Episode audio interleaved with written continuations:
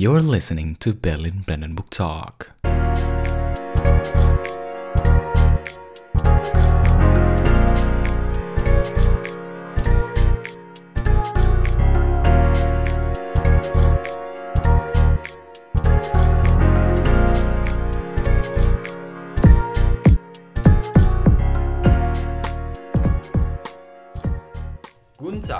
Herzlich willkommen zu unserem Podcast Berlin Brandenburg Talk, or also known as To Be Talk, with your host Adib. dan Maulana. Yes, Maulana, akhirnya kita bertemu lagi untuk membahas tentang mindfulness di Betul. episode kedua. Enggak sih, episode berikutnya. Ini Ya, episode ini. episode berikutnya. Di episode yang lalu kita udah ngebahas tentang apa aja sih mau? Kalau nggak salah gua kita udah ngebahas tentang uh, mindfulness ya. Iya, tentang apa itu mindfulness, tentang kenapa mindfulness itu penting. Mhm. Tuh. Dan juga eh, sempat di-mention juga eh, kita pengen apa namanya reach the state of mindfulness dan kita pengen tahu metodenya seperti apa aja. Dan Betul. itu yang bakal dibahas di episode ini. Di episode ini narasumber kita juga sama dengan episode yang lalu yang keren-keren yaitu Pak Dimi selaku ketua PPI Berlin Brandenburg. It's an honor. Weh, thank you man. Under is mine lah. Lalu juga Ibu Farah Halo semuanya. yang tentunya keren. Yeah. ya, jadi melanjutkan dari percakapan kita di episode yang lalu, kira-kira pernah nggak terbesit di pikiran teman-teman sekalian apa sih eh, metode-metode yang pernah kalian lakuin ya? Atau mungkin kalian belum pernah nge, apa ngerasain being in mindfulness itu sendiri? Eh, mungkin teman-teman mau sharing pengalamannya? Em, Kalau Dimi? jujur gua ini gua tahu gua salah sih, tapi sampai sekarang tuh gua masih skeptical sama ya kayak meditasi gitu. Jujur gua masih skeptis. Jadi gua belum pernah ngelakuin sampai sekarang ya. Tapi kalau yang gua lakuin sampai sekarang dan kinda works itu adalah pertama-tama gua mencoba ngeset environment yang bikin gua tuh tenang. Oke. Bikin pikiran gua tuh nggak ke mana-mana gitu. Misalnya kalau secara teknis misalnya kayak kalau lagi sibuk banget ya udah HP tuh benar-benar gua airplane mode tuh. Jadi mungkin lu pada kalau sering nge-WA gua tidak nggak centangnya cuma satu tuh mungkin Lagi lagi, matiin tuh. Nah, itu kan misalnya matiin terus ya. Gua siapin air banyak. Gua gua literally ontak gua minum air banyak banget pokoknya. Lu nggak beser-beser tuh ya? Biasa sih.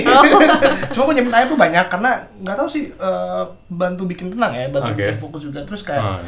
Gue make it clear kepada diri gue sendiri apa yang sekarang tuh bisa gue kontrol dan apa yang gue nggak bisa kontrol. Mhm. dan gue fokus fully sama yang aku bisa kontrol. Karena kadang-kadang kan sebenarnya kita worry tentang hal yang di luar kontrol Kontrol kita, kita. gitu. Dan sebenarnya kan technically nggak bisa diapa-apain gak sih? Dan yang apa yang nggak di luar di luar kontrol gue hari ini bisa aja besok udah bisa gitu. Jadi ya dan vice versa mungkin aja. Jadi ya udah fokus sama yang hari ini aja. Biasanya gue kayak gitu sih. Ah, menarik, menarik, menarik. Ya gue juga setuju sama Dimi dengan apa ya kalau misalnya suasana kamar berantakan.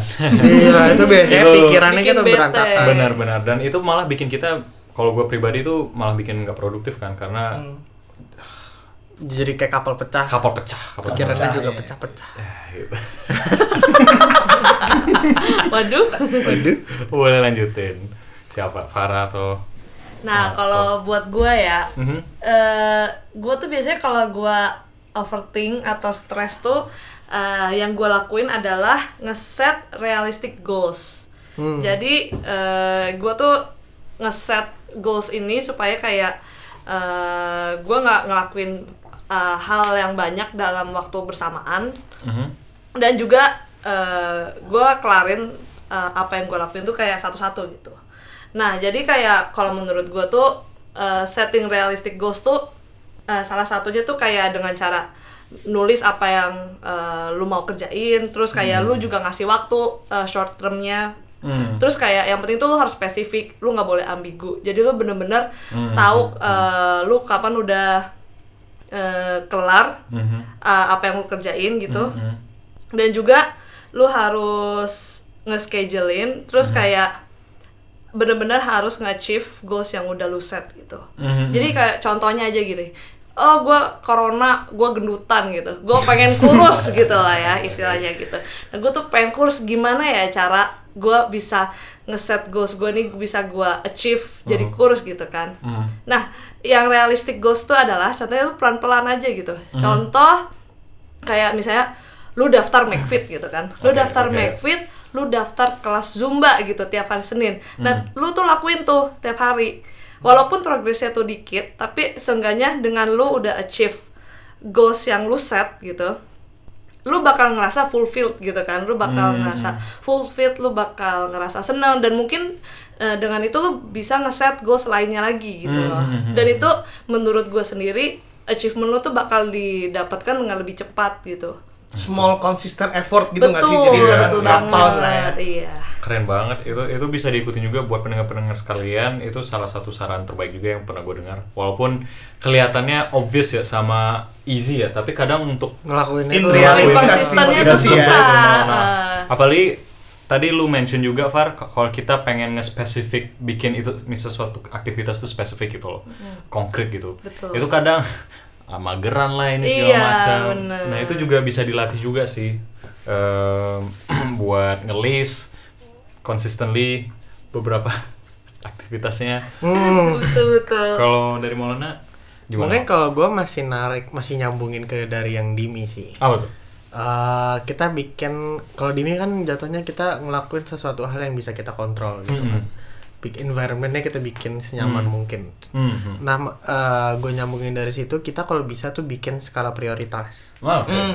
Jadi uh, kebanyakan kita tuh termasuk gua kadang-kadang gua juga masih melakukan hal itu. Jadi gua nggak set priority. Mhm, mhm. Apa pun yang bisa apa pun tuh gue jadiin prioritas. Nah, nah. Jadi nggak ada nggak ada derajatnya gitu. Kayak misalnya contoh gua mau ngelakuin eh gua mau nulis naskah baik mau gue selesai nih itu priority nomor satu sebenarnya tapi tiba-tiba mendadak gua ada diajak buat kumpul misalnya Hmm. Nah gue jadi mikir ah tapi kayak kumpul juga penting deh. Tapi kayak ini juga eh, eh, gue namanya- sering banget tuh kayak gitu Nah iya kan. bingung. Nah dengan kita ngeset priority dan harus komitmen nggak usah harus kayak Benar, ngikutin literally apa yang lu set itu bisa setidaknya ya lu jadi fokus sama yang apa yang bisa lu lakukan sekarang gitu jadi nggak ujuk-ujuk semua hal tuh lu Yes, yes, jad- yes, yes. dirembuk jadi satu terus lu lakuin semuanya Dan itu sebenarnya bisa juga dikaitkan dengan poin dengan saran yang Farah uh, elaborate tadi ya. Hmm. Uh, selain lu bisa nge-assess apa aja yang bisa apa ya, apa aja yang bisa lu, Lu lakuin, kerjakan, nah. lu juga bisa dengan skala prioritas itu nge-list apa aja uh, aktivitas-aktivitas yang In menurut which lu order yang dilakuin. Iya, Ya, benar. betul dan itu sebenarnya mungkin teman-teman pendengar se- sekalian udah pernah udah pernah dengar atau sering dengar tapi ini perlu di ini sih perlu memang dipahami benar-benar stepnya dari awal kita harus aware dulu dengan environment kita dalam arti kata kita harus aware dengan apa yang kita kerjakan pitfall seperti apa tadi ya.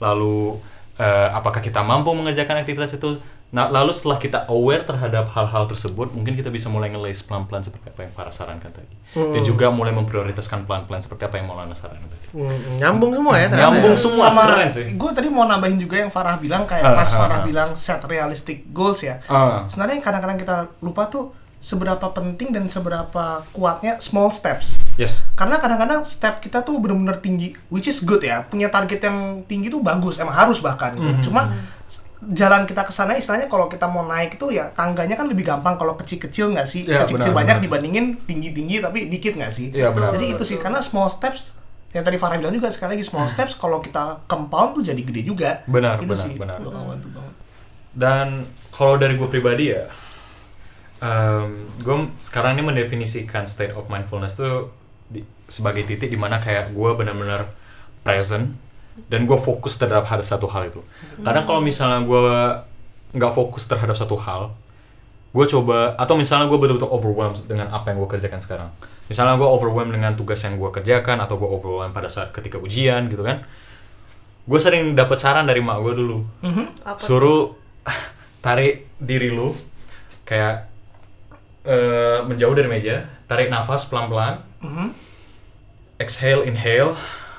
Inhale exhale gitu gitu kan itu menurut gua tuh latihan pernafasan yang ngebantu banget buat stay in track gitu. Untuk Oke. atau being fokus lagi gitu. Mungkin kalau teman-teman pernah lihat di internet ada yang namanya latihan pernapasan 478 ya. Tarik Oh. 4 detik tahan 7 detik buang 8 detik Nah, jangan lupa dibuang ya guys. Nanti Aduh, hilang nyawanya melayang. Melayang lah. mindful sih mindful, melayang tapi mindfulnya jadi gak ada pikiran sama sekali ada gitu. pikiran. Sumpah ya. Tapi kira-kira latihan pernapasan itu yang menurut gua juga pada saat itu gua diiringi dengan doa juga sih. Jadi Oke. em, gua tarik nafas, gua tenangin kayak empty your mind, empty my mind. Tapi dalam hati kan. Dan ketika gua kembali lagi mengerjakan hal itu, hal yang gua kerjaan pada saat itu, gua betul-betul fokus gitu. Nggak tahu kenapa. Apakah itu gara-gara doa orang tua gua atau memang gua bernafas gitu. Doa play a great role juga sih sebenarnya. benar, benar.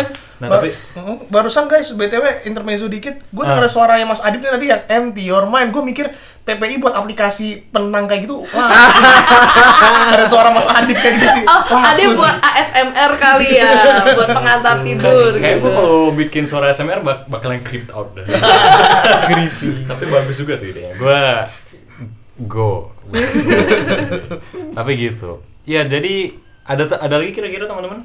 Mungkin ada lagi sih kalau dari list yang di apa dikasih sama Rani Mhm. itu salah satunya ada journaling. Ah journaling oke. Journaling itu mungkin teman-teman udah familiar ya sama journaling itu apa tapi mungkin beda sama diary. Kenapa sekarang tapi sekarang pertanyaan yang lebih penting kenapa journaling? Kenapa tuh? Kenapa? Jadi eh, salah satu alasan kenapa journaling itu bisa membantu kita mencapai setidaknya bukan mencapai state of mindfulness deh, tapi kayak mulai Hmm. itu karena lebih mudah dilakukan gitu. Satu, cuman nulis. Lu bisa lakuin itu di mana aja. Hmm. Lu bisa lakuin itu kapan aja. Hmm. Itu membantu lu untuk fokus apa yang lu lakukan sekarang. Terus juga lu fokusnya jadi nggak eh apa namanya? at- at- attention lu tuh nggak nggak keluar dari diri lu. Lu Yeah. fokus ke diri lu sendiri. Oke. Itu salah satunya kayak beberapa tadi ada beberapa contoh journaling kayak gratitude journaling, Grati grati gratitude journaling, gratitude journaling. Uh, uh, expressive writing. Ada, ada, ada banyak contoh Ah, oke, journaling. oke, oke. Itu berdasarkan studi ya. Oh, Oke oke. Nah, eh itu terserah tergantung masing-masing orang cocoknya yang mana gitu. Hmm, hmm. Gitu sih.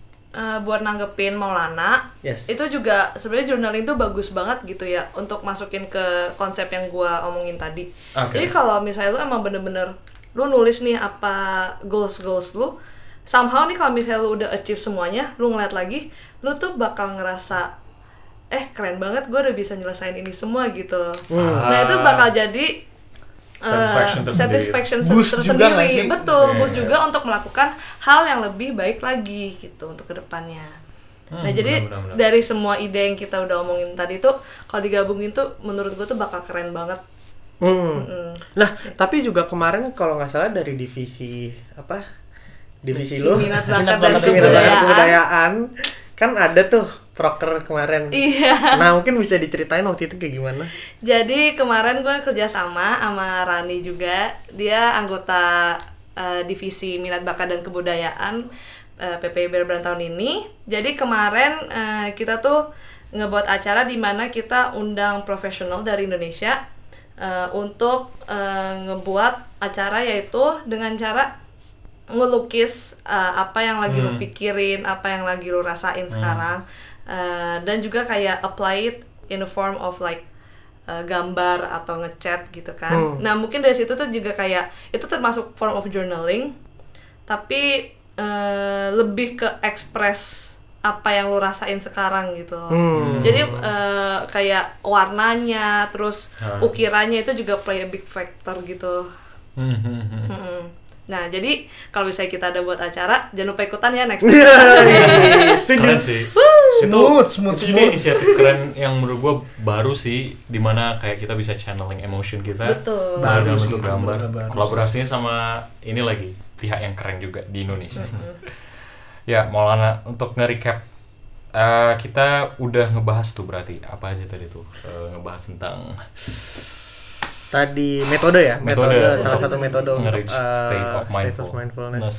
Kalau tadi ya kita kalau kita recap ada Dari Dimi bikin- tadi? Dari Dimi tadi bi- set environment kita. set environment, Terus juga apa namanya? Kalau dari Farah tadi uh, list list apa realistic goals. Mm-mm. Terus juga Realistic ada goals. apa namanya tadi? Skala Uh, skala prioritas. prioritas, journaling juga. Mungkin tadi dari lu atur napas atur Sama nafas. berdoa. sama Berdoa. berdoa Berdoa. Penting, guys, Sama berdoa penting. iya like penting banget. Oh iya. Terus tadi eh, setelah tadi didiskusikan juga kita saran-saran kita itu saling saran-saran kita tuh saling berkaitan satu sama lain. Betul. Dalam arti kata ketika apa namanya ketika sarannya Dimi dilakukan pada awal paling awal lalu setelah kita sudah nge-create environment yang kita bisa apa ya kenali yang gitu. kita apa ya aman lah nyaman lah nyaman, istilahnya, gitu. nyaman.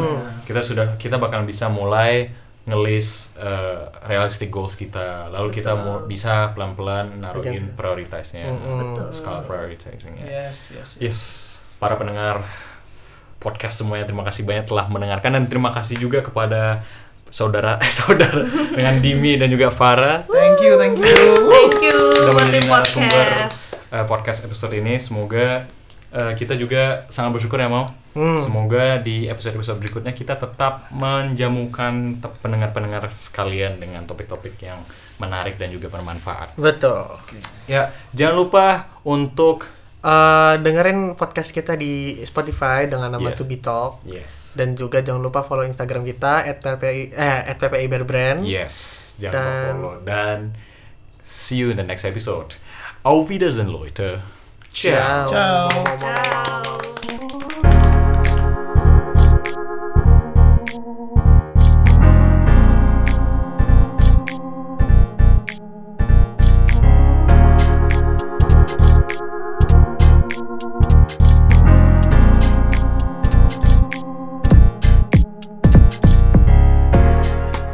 Terima kasih telah mendengarkan episode podcast minggu ini. Segala informasi yang kami utarakan di podcast ini didasarkan oleh opini masing-masing dengan tujuan untuk berdiskusi. Nantikan episode podcast berikutnya dan jangan lupa untuk follow Instagram kita juga yaitu @ppi Berbrand. Wir bedanken uns nochmal bei euch und auf Wiedersehen.